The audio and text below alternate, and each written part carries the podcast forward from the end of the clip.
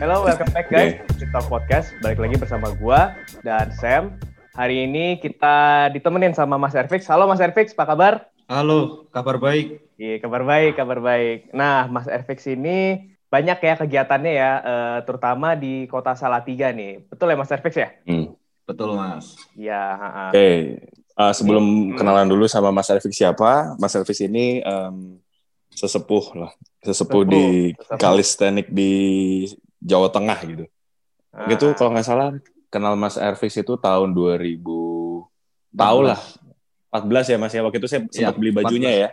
Iya, 0298 salah tiga punya Iya. baju waktu beli tahun 2014 Hmm. ngobrol-ngobrol-ngobrol dan Mas Elvis ini punya komunitas yang menurut gue di Jawa Tengah itu beneran kuat kuat maksudnya kuatnya nggak cuman bukan kuat fisik tapi kuat secara solidaritas terus habis itu juga uh, rame gitu kan karena kan Iya. balik lagi hidupnya komunitas itu kan pasti uh, dunianya itu kan ya apa ya berkumpul lah ya kayak gitu Hmm, Ya. hmm, hmm. nah mm-mm. ya Mas langsung aja boleh perkenalkan diri Mas Elvis Oke, saya Ervik Bahtiar, eh, biasa dipanggil Ervik.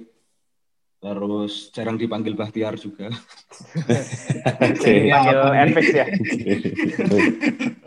Saya eh, untuk eh, mengkategorikan diri saya sebenarnya susah, agak susah karena berbagai macam apa ya pekerjaan dan bidang yang saya tekuni. Jadi untuk mendeskripsikan kayak petugas KTP gitu, tanya kan pekerjaannya apa mas, Hmm. gitu juga bingung mereka. Oh Akhirnya iya. ditulis aja itu di KTP seniman gitu. Ya Seniman. Oh iya, seniman. seniman Gitu. karena melakoni banyak hal. Eh, saya Oke. di sini eh, kalau tahun-tahun lalu eh, jadi Hmm. leadernya 0298 Street Workout ya, kalistenik yang ada Hmm. di Hmm. Salatiga. Hmm. Terus latih olahraga. Terus untuk tahun ini saya bangun Fix Me Fitness itu peralihan dari 0298 ke eh, yang tempat yang lebih mandiri. Hmm. gitu. Terus saya juga punya Fix Me Project Official yang notabene adalah eh, melakukan liputan-liputan perjalanan, evakuasi, ya intinya ngasih informasi dan edukasi gitu Ya. tentang traveling, tentang apa pun, tentang kehidupan gitu. Mhm. Terus saya juga salah satu pemusik yang aktif di kota saya sendiri Salatiga. Jadi Hmm. kayak semalam saya mengunjungi apa acara musik itu lihat-lihat acara musik itu udah Hmm. biasa. Di sini udah pada tahu bahwa Ya. saya musisi. Ya. Terus ya banyak lah. Ada jualan duren, ada jualan madu, ada jualan sop ayam. Oh iya. Semua iya. semuanya Ma- madu- semuanya dijalanin. Yang madu itu madu madu apa pade ya? Madu pade kalau nggak salah. Madu Ada hutan. Pak DR. Ada Ah, iya. Eh Mas Afik, sorry motong, sorry motong. Ya. Eh ini dulu Mas Afik ngeband kan ya sempat apa yang ikut yang Emal ya? Oh. Apa? Sondrina apa? Eh, Gudang Garam eh, Gudang Garam Rock Competition. 2000. Apa sih dulu bandnya Kobe? Eh bukan Kobe. Apa? Yang kayak Linkin Park gitu dulu. Iya, work, workstation. Workstation ya? Oh iya, bukan- kalau Kobe beda-beda lagi ya. Iya iya iya. Soalnya soalnya nih, soalnya waktu itu kan Mas Afik sempat posting kan video di story-nya. Eh, oh ini zaman dulu gini gini gini. Nah, terus saya baru ingat dulu zaman saya SMP SMA pernah lihat videonya Mas Erfix dulu tuh. Di TV Oh, iya? dulu kan ditayangin kan, ditayangin dulu. Oh kan. iya di Di MTV zaman dulu. Iya, iya ditayangin. Iya. Saya baru kenal orangnya tahun 2014 sih. Jadi keren juga sih kita kayak ngomongin sekilas Keren. apa namanya komunitas kalistenik tuh ternyata dulu Iya. dulu dulunya tuh juga berawal dari bukan orang-orang yang bahkan kayak lu sendiri saya lu cerita lu kan bah baru Iya. mulai olahraga tuh bener-bener pasti calisthenics kan. Jadi kayak Iya, pas metal dia dulu. 2012. Ya, metal kan. Iya, iya, iya. iya, Metal. metal. Dulu main, dulu main desain metal dulu, iya. Dulu main desain metalnya ini, Ini- Jack Lot. bisa itu juga Terus sih. terus Kita kayak ngasih tahu ke orang-orang mungkin ini banyak yang belum tahu juga sih kayak calisthenics ini kan start base-nya from community ya. Dan kalau dari Yes, community itu kan dia luas banget gitu loh, luas banget loh Betul sekali. kan. Jadi Betul, betul. mungkin Aha. kalau kayak di gym kebanyakan anak-anak ketemu tuh kayak oh iya gue udah nge-gym setahun dua tahun di sini di sini jadi kayak emang mereka yang anak-anak gym atau apa gitu minimal kalau kayak di calisthenics tuh pas lu ketemu di komunitas yang bisa beda-beda banget gitu loh orang-orangnya ada yang kayak oh gue dulu Yes. pemusik oh gue ada yang cuma Iya. Iya.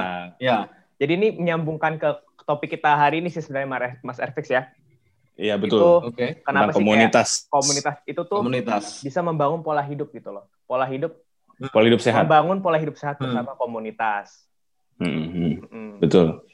Oke, ngomong-ngomong soal, soal komunitas membangun pola hidup, ini uh, saya mau cerita sedikit.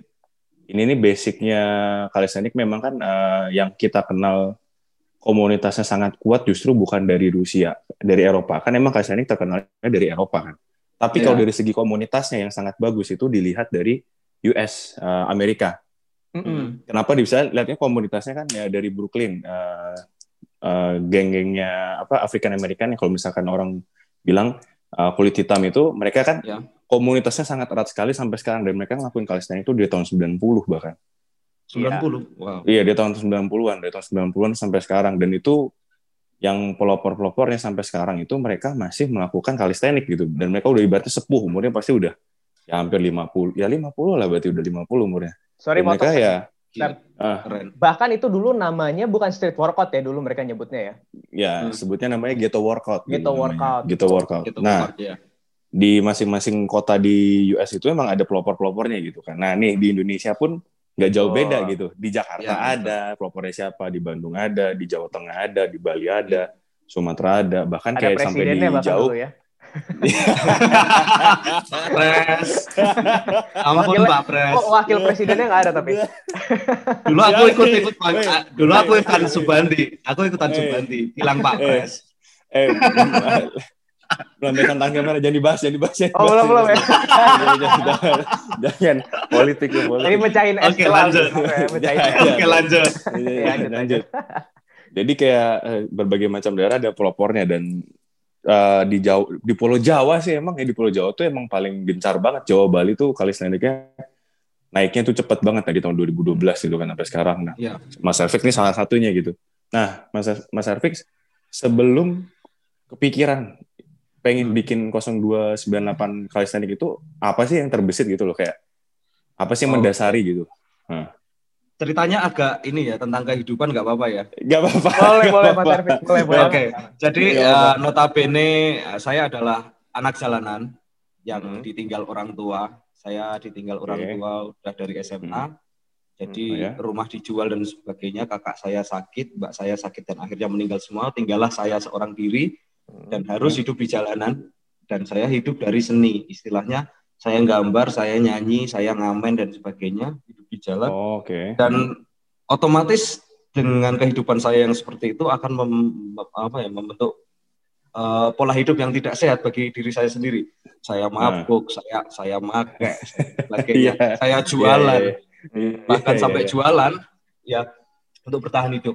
Nah dari situ pola hidup yang nggak sehat, saya merasa ada di titik jenuh itu tahun 2013 tepatnya.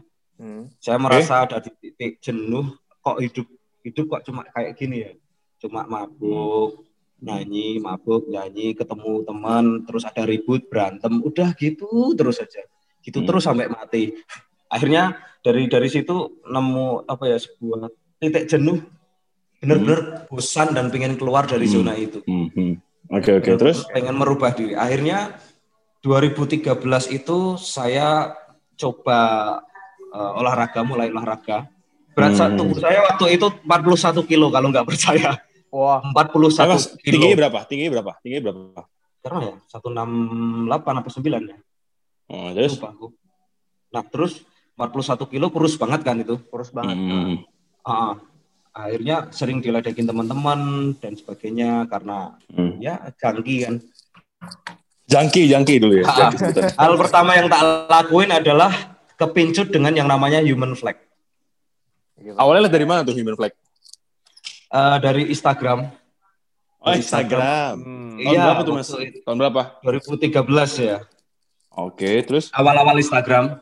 Lihat hmm. human flag kan, wah bagus banget ini. Nyoba-nyoba kan. bagus banget, terus, terus. Ah. Karena uh, notabene saya adalah orang yang cepat sekali belajar uh, itu bawaan hmm. dari lahir jadi saya nggak butuh bakat atau apa uh, hmm. kebanyakan hal yang tak lakuin adalah berdasarkan apa yang tak lihat tak pelajari gitu jadi akan cepat oh, iya, sekali iya, betul, betul. Hmm. Uh, akan cepat sekali mempelajari sesuatu dibandingkan teman teman-teman yang lain itu udah bawaan dari betul betul hmm. jadi dalam waktu tiga minggu saya latihan saya udah bisa human flag Wah, strength itu benar-benar dari dari dari ya. basicnya benar-benar nggak latihan sama sekali itu dulu. Iya, strength nggak punya, core juga entah ke mana dan sebagainya, tapi bisa, tapi bisa, tapi bisa. Karena apa? Karena saya suka sesuatu yang menantang. ketika Ah. menantang Ah, bagi oke. saya saya kadang bilang gini dalam hati kok orang-orang pada bisa ya kok saya nggak bisa berarti saya goblok gitu dalam hati saya oh ini ini kompetisi untuk Oke. diri saya sendiri Iya, ya iya, Iya, iya. iya. jadi selalu mensugesti diri saya sendiri seperti itu kalau kamu nggak Hmm. bisa padahal itu barang bisa dilihat diraba Hmm. disentuh di- Hmm. ada baunya dan kamu nggak bisa Hmm. itu berarti kamu goblok dalam diri Ya, saya betul. seperti itu Hmm. apa pun itu Hmm. Nah, makanya Motivasinya beda-beda. Ya. Iya. Iya, ketika lihat human flag pertama kali tiga minggu dapat, setelahnya mungkin saya pull up juga belum benar, Hmm. pull upnya masih swing atau gimana, masih Hmm. masih belum clean saat itu. Hmm. Tapi saya memaksa untuk eh, dapat reps banyak dulu di atas 10. Oh, oke oke. oke. Ah, memaksa reps di atas 10, akhirnya dalam satu bulan saya bisa back lever. Wah mantap. Terus? Satu setengah bulan jalan saya bisa front lever. Hmm, gitu. Oke oke oke. oke. Wah. tapi belajarnya otodidak saya suka mengamati uh, video-video tutorial di YouTube, di Instagram Hmm. gitu aku kulik, aku kulik satu-satu gitu. Hmm. Oh, yang dikunci otot ini toh, oh yang ini toh, yang, Hmm. yang awal-awal itu ada Bear Brothers, Chris Hera gitu tak kulik Wah, semua. Iya, iya. Oh iya, Jo. Itu tuh apa lagi meta-metanya dulu Hmm. brother sama lagi booming boomingnya mereka Lagi ya. booming, Bar Brothers, Iya, Chris lagi Heria, booming. Bar Stars, ya Bar Ya, Bar Stars, Stars, Bar kulik Stars, terus semua. Hmm. Ya rame banget dulu. Hmm. Baristi. Frank Medrano, ya Frank Baristi, Medrano. Kalau Medrano. kalau Frank Medrano enggak. kenapa kenapa kenapa emang? Eh, Frank Medrano nggak tahu, nggak tertarik dengan. Tapi aku follow dari dulu dari awal. Mm-mm. Mhm. tapi nggak tertarik dengan apa yang dia share. Nggak tahu. Hmm, Lebih tahu kurang tertarik dengan yang lain. kurang nendang mungkin ya pak. ya? Ya kalau mungkin yang di share Frank Medano eh, saat itu ya karena yang tak cari adalah yang lebih lebih lebih lebih dan lebih. Jadi eh, Oh dia oke. kurang-kurang mendukung untuk untuk aku kulik gitu. Hmm. Oh, Oke oke oke betul Hmm. betul. betul. Siap siap. Terus Tapi eh, tetap kan nggak tadi pantau. Hmm. dipantau ya. Tadi kan udah dijelasin juga awal mulanya kenapa Ya, coba kalistenik. Nah terus ngebentuk 0298 nya gimana? nah terus habis itu kan mulai PD nih bisa pull up 10 kali ke atas, Hmm. terus Hmm. bisa human flag, bisa front lever dan awal-awal mula bisa dips udah PD tuh keluar ke lapangan pagi-pagi. Oh, oke. jam 6 pagi gitu udah di lapangan terus Hmm. latihan. Eh, Hmm. ketemu temen latihan apa? Ini street workout terus tak kasih video-videonya. Kamu bisa human flag? Kalau kamu bisa human flag aku ikut. Bisa. Terus masih masih agak gemetaran masih ini kayak apa ya waktu-waktu ini eh, kaki ketarik gitu juga rasanya nggak enak Oh, tapi iya, tak iya, iya. tak paksakan tak paksakan buat eh, biar dia ikut gitu Iya iya. akhirnya terus- dia akhirnya dia lihat dengan mata kepalanya sendiri dan langsung ikut. Nah kebenaran orang-orang ini adalah orang-orang awal yang bertemu dengan aku di lapangan itu adalah orang-orang yang tepat yang membawa masanya mereka masing-masing. Yuk ikut ini yuk. Mereka punya teman diajak, diajak, diajak, diajak. Ah, iya. Itulah itu mulai rame, mulai rame. Hmm. Ya membernya lebih dari 10 orang kita rutin latihan. Kita nguliknya Hmm. macam-macam ya yang nggak jelas pola latihannya. Ya Hmm. freestyle, ya ngeset, nggak ada yang jelas gitu. Yang penting fun gitu kan. Betul. Terus Hmm, akhirnya- fun-nya. Hmm, hmm, Fun. betul, Ah. betul. seiring berjalannya waktu kok apa ya kalau kita nggak bikin komunitas kok ya sayang gitu loh akhirnya aku bikin Kurang, ada yang kurang. 0298 ya Hmm, hmm. Bikin 0298 pertama kali itu logonya yang bikin aku kaosnya yang bikin aku stikernya yang bikin aku lagunya yang bikin aku semua Iya Terus iya, akhirnya- ada lagunya betul. ada ada lagunya juga Iya, kan ada lagunya, iya, satu iya, satunya betul. satu satunya tim di Indonesia yang punya lagu Iya. lagu sendiri lagu tim nah terus Itu tahun 2014 ya itu ya? 13 14 ya? ya 14 15 kalau nggak salah Ah, 14 15 ya, ya. Betul, betul, betul. Ya. Terus, terus? akhirnya udah kita jalan rutin dan membernya makin lama makin hari makin banyak sampai Hmm. ratusan sampai Hmm. ratusan dan kita pull up aja sampai antre bener-bener Hmm. kayak Iya, bagi iya. sembako gitu Dulu pernah lihat satu-satu, pernah iya, iya. lihat di story-nya Mas Elvis atau di Instagramnya itu 0298. 0298. Itu, itu pull up sampai Nah. baris semua Hmm. gitu loh. Mhm. nah gitu awalnya rame dan jadilah 0298 eh 0298 yang akhirnya almarhumah Alham, almarhumahnya gara-gara kondisinya ini kan apa? Iya Emang ditutup kan tempatnya. ditutup pemerintah Nah, Bukan- ditutup bukan kita. pemerintah. kalau kita Oke. masih on fire Hmm. Gitu. Itu itu eh, kenapa sih Mas dikasih nama 0298? Eh, itu kode area telepon Salatiga. Oh, oke. Oh, itu yang ya, mengusulkan Mas 02. Arfi sendiri. Hmm. Iya, karena Kode areanya gampang salah di- tiga ya? Ya, kode Iya. telepon, kode area. Kode Jadi, telepon ya? Oke. Iya. Kalau Jakarta 021 lah ini Ya, 028 itu salah tiga. Nah, karena itu simple, satu Hmm. orang juga Hmm. kalau mau googling kok 0298 itu apa ya, dicarilah dia. Pasti nomor telepon dapat. Oh, salah tiga. Udah, Oh, Simple. Oh, jadi simple, simpelnya gitu. Oh, ya. iya, Hmm. sesimpel itu. Nah, pas dulu ngebangun komunitas kan tadi dibilang uh, word to mouth kan dari mulut ke mulut kan orang-orang jadi bergabung gitu kan. Nah, ini pekerjaannya Mas Elvis sendiri atau Mas Elvis itu punya tim di dalamnya jadi kayak oh misalkan ada kayak aksi kan sekarang aksi kan ada lima Ah. orang sampai delapan orang yang bekerja di dalam buat uh, manage Hmm. aksi Indonesia. Nah kalau dari Mas Elvis sendiri gimana? Mas Elvis sendiri kayak yang langsung terjun langsung gitu apa gimana? Yes. Oh sendiri? Iya, bahkan uang kas tim pun yang bawa aku. Oh ya One man show. Desain, one man show. Desain. one man show. terus postingan, Ah, postingan Instagram, postingan Facebook dan sebagainya sendiri. Uh, Oh, karena oke. gini, kadang kalau aku orang yang nggak bisa, aku orang yang kadang nggak bisa kerja dengan tim, lebih suka oh lebih suka- ya? ya udah sendiri lah. kalau ikut, nah kalau ikut sistemnya tim oke, cuma Ah. kalau untuk bekerja sama gitu kadang aku nggak bisa, karena terlalu banyak yang harus apa yang bisa aku kerjakan, tapi Ah. nggak bisa dikerjakan orang lain, makanya aku ambil Hmm. alih semuanya aja. Hmm, Oh. Oke. nyingkat waktu, nyingkat apa, nyingkat banyak lah. Kalau Mhm. kita bekerja tim, kadang kita harus eh, meeting dulu nih ya, Betul. meeting, Ya. terus bikin plan, bikin master plan, Ya, terus betul. dieksekusi, terus yang di lapangan saya Mhm. kelamaan kalau aku. Hmm. Besok eh, tanggal segini kita ke apa Semarang yuk bikin kompetisi. Ya udah, Hmm. Hmm. aku kumpulin anak-anak, Hmm. kamu ikut, kamu ikut, kamu ikut, kamu bantu ini, kamu bantu ini, kamu bantu itu, kamu bantu itu, udah gitu. Jadi nggak Hmm. mereka pun nggak bisa membantah, aku nggak bisa gitu nggak bisa. mereka bahkan nggak bisa membantah. Jadi ketika Iya, iya. eh, besok umpamanya Tur kamu sediaan mobil buat kita berangkat ke Semarang, Eh, kamu Oke. konsumsi gini. Jadi aku udah tahu kapasitas apa ya anak-anak yang ikut join denganku, mereka bisa tak percaya dan aku memberikan kepercayaan itu dan mereka senang melakukannya. Ini jadi Oke. inget itu sih waktu pokoknya setiap Bukan diktator ya, tapi aku memberi kepercayaan. Beda. iya, Hmm. Beda iya, kalau jadi di sektor kayak kan Mas Ervix ini kan sempat bilang sama saya kan kalau eh, Mas Ervix itu tuh li- lebih tipe orang sebagai eksekutor gitu loh kayak ada apa pun langsung jalanin gitu kan. Nah itu ya selalu ingat dulu kayak tahun-tahun kalau nggak salah 2017 eh 2017 atau 2018 gitu. Itu kayak aksi yang bikin acara di Semarang ya. Kalau nggak 18, salah. Bang.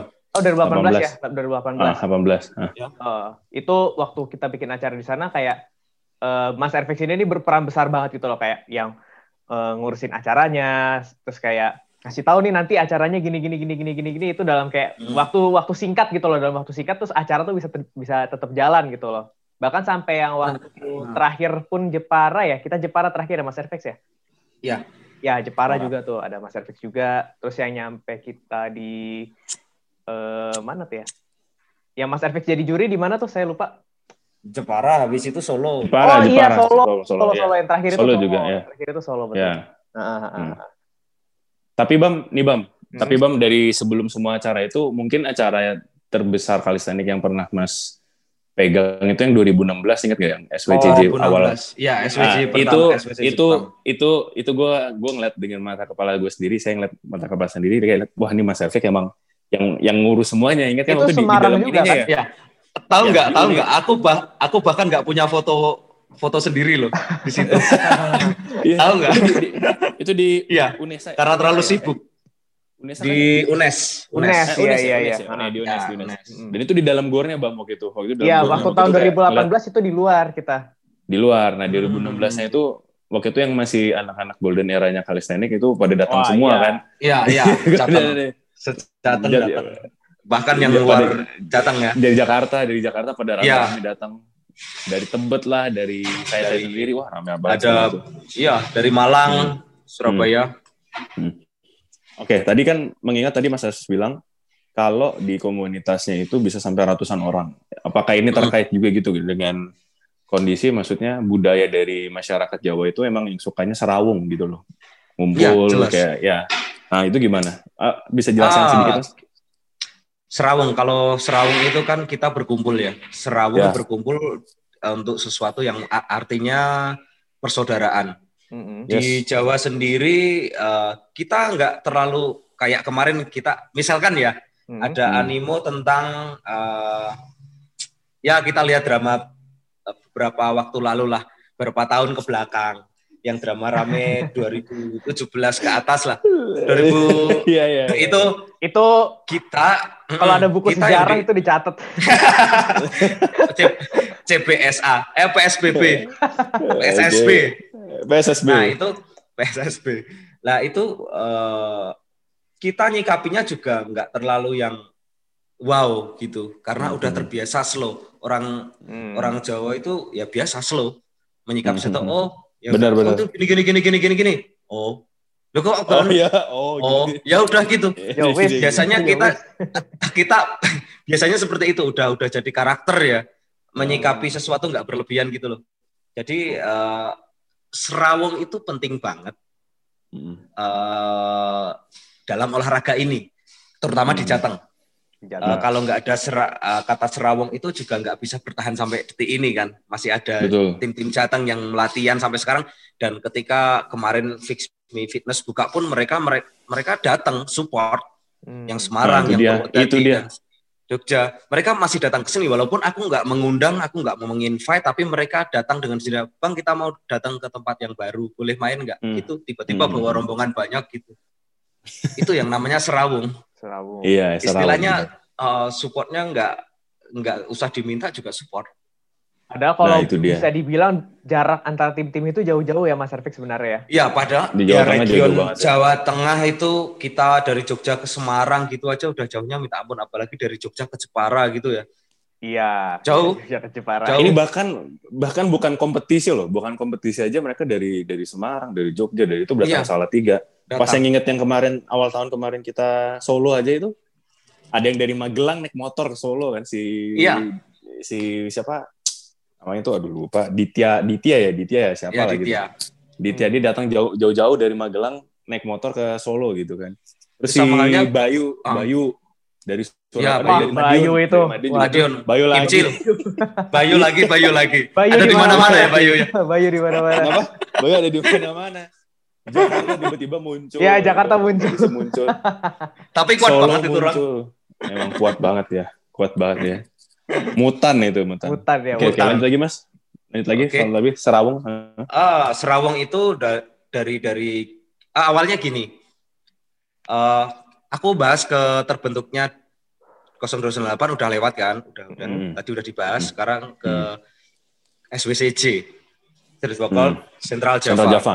Ya. Ah, itu pertama memang murni ideku ingin gabungin seluruh Jateng.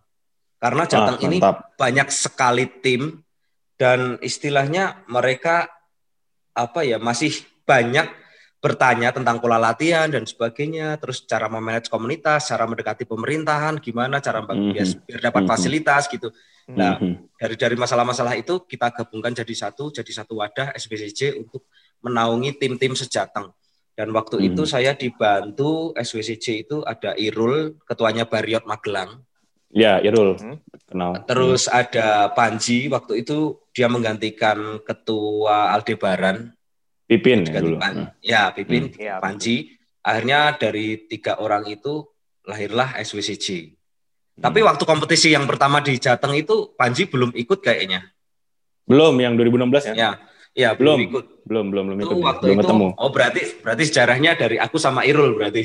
Aku Ah. Irul Ega, Ega Barstan. Oh, Masih Eh, ingat? Ega oh, Barstan. Ega ya, Iya, Ega, iya. Ega ya. Ega itu termasuk uh, orang ya? yang cerdas. Ya, Pak Dokter Hmm. itu orang cerdas itu. Hmm. Dia kalau mau manage uh, punya ide-ide bagus buat kita gini, kita gini, kita gini gitu, dia pinter. Hmm. Hmm. Pinter memutuskan sesuatu juga. Nah, Hmm. dari tiga orang itu kita kumpul yuk bikin gathering. Akhirnya kita Hmm. bikin gathering yang pertama itu. Hmm. Gathering, setelahnya kompetisi, terus gathering lagi, terus kita Hmm. bikin yang dari 0298 sendiri waktu itu aku punya program uh, 0298 Invention. O298 Invention. Jadi kita Oh, mampir ke suatu komunitas kalistenik, umpamanya waktu Hmm. itu kita mampir di Solo, kita datangi terus kita sharing bareng gitu. Jadi invention, Mhm. oh gini-gini cara memanage tim itu kayak gini. Hmm. terus kita ke Purwodadi, di cara memanage tim itu kayak gini, bla bla bla bla bla. Uh, tim-tim yang belum terarah tadi itu jadi Hmm. ada leadernya, jadi Betul, jelas betul. pola latihannya, jadi Betul. punya ke uh, apa ya keinginan lebih di kalistenik, jadi tetap Betul. latihan dan sebagainya, ngejar progres dan sebagainya, gitu. Hmm. Jadi uh, berawal dari 0298 Invention itu terus ada gathering, ada kompetisi jateng, gitu ceritanya. Ini cara yang saya lakuin dulu, Mas, belusukan. Belusukan, iya. Kemudian kayak ke mana-mana datang dulu. Iya, Datang buat gedein komunitas Apa? emang kayak gitu. keren banget sih Bapak tadi. Talas, Eh, Iya. 0298 Invention ya dulu eh, namanya Mas Ervix ya. Hmm. Nah itu Hmm. kebanyakan Iya. kayak kita ini mungkin kayak suatu hal yang missing dulu kali saya waktu zaman-zaman kita awal kali di Jakarta.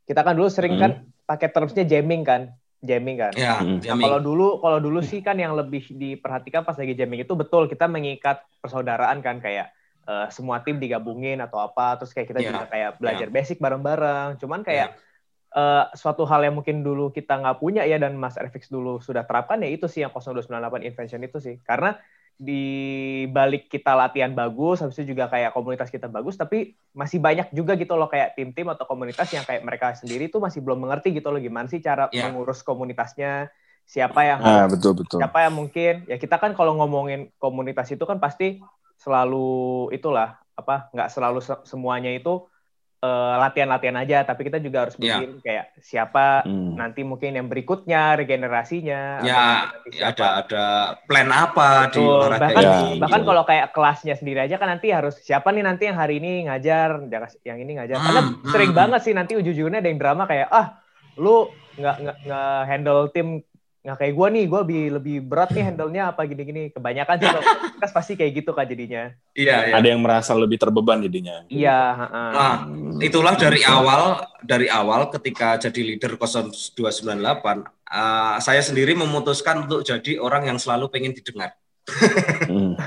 gitu Betul jadi betul. ketika ada suara-suara seperti itu aku turun tangan langsung aku dari dulu fokus di ini ya solusi bukan masalah jadi Hmm. ketika ada Ah masalah ya, apa kita benar nggak bahas benar. kita nggak bahas masalahnya tapi solusinya Benar, apa ini seumpama oke Gridanggo ditutup solusinya apa ya udah cari solusinya bukan di masalahnya merengek-rengek ke Pemkot atau gimana gitu enggak Nggak bisa. Wis, cari sol Soalnya cari solusi kalau- ya Kalau cuman merengek-merengek doang gitu nggak akan ada solusi gitu kan. Baik Iya. lagi nih kan ini, ini soal ngomong-ngomong Hmm. soal uh, tadi ditutup oleh pemerintah. Berarti kan Mm. Kurangnya kesadaran masyarakat sekitar di daerahnya Mas Ervi sendiri tentang uh, gaya hidup sehat ya kan. Hmm. Oke, kalau gaya hidup sehat di sini sebenarnya berkembang dengan baik, mulai Hmm. dari uh, tim-tim runner, terus Ya, gymnya, runnernya, ya gymnya. uh, gymnya dan sebagainya, Hmm. uh, taekwondo, apalah itu maju. Cuma yang difokuskan di Salatiga saat ini adalah atletik. Sementara kalistenik Oh, kan lebih ke tidak atletiknya ya? atletik. Oke, oke. Ya, atletiknya, atletiknya. Jadi uh, Kridanggo itu kemarin setelah saya selidiki ditutup karena alasan itu kan jogging tracknya mahal ya, karet rubbernya itu.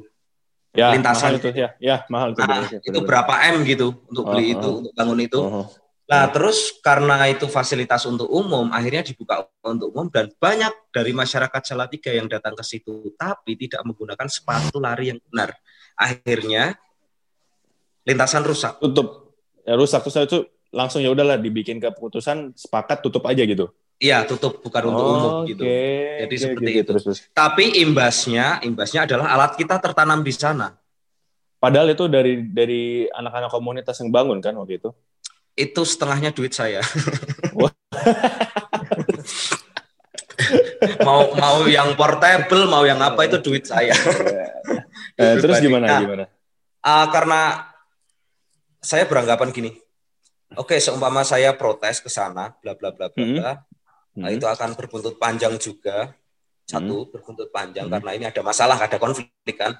Betul. Terus yang kedua, kok saya merasa udahlah, udah saatnya kita udah tua, tenang aja lah, cari Hmm, solusi. Nggak perlu nggak perlu cari konflik lah. Terus Ya, nggak nggak usah dan seumpama diambil sisi positifnya, saya merasa alat itu berguna bagi atletik ya udah kita berarti ikut mencerdaskan bangsa, ikut meningkatkan prestasi bangsa karena alat kita dipakai. nice, Hmm. benar benar. Ya udah. Ya udah pakai aja. Terus terus. Oke oke. Makanya akhirnya saya nyari solusi baru. Ini waktu itu ya di tabungan ada duit berapa ini? Oh, ada duit nganggur 50 juta. Ya udah, ambil rumah, bikin alat, selesai. Oke oke oke. Jadi kayak itu solusinya karena Ya, eh tutup berapa lama Mas waktu itu? Setahunan ada ya? setahunan lebih Oh, berapa lama? Jadi setahun tutup, habis itu Hah? buka baru sebulan ditutup lagi. Buka seminggu ditutup lagi. Ya udah gitu terus aja sampai mati.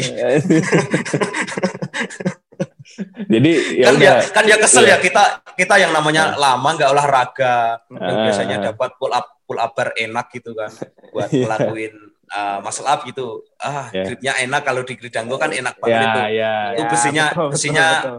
Isinya- besi yang di Gridanggo itu grade A jadi enak banget Iya. bahannya mahal Ah, enak gitu loh Iya. nah terus kita latihan seadanya gitu kan kangen kan kangen Eh, Terus karena menunggu-nunggu waktu itu buka, kita selama itu nggak latihan.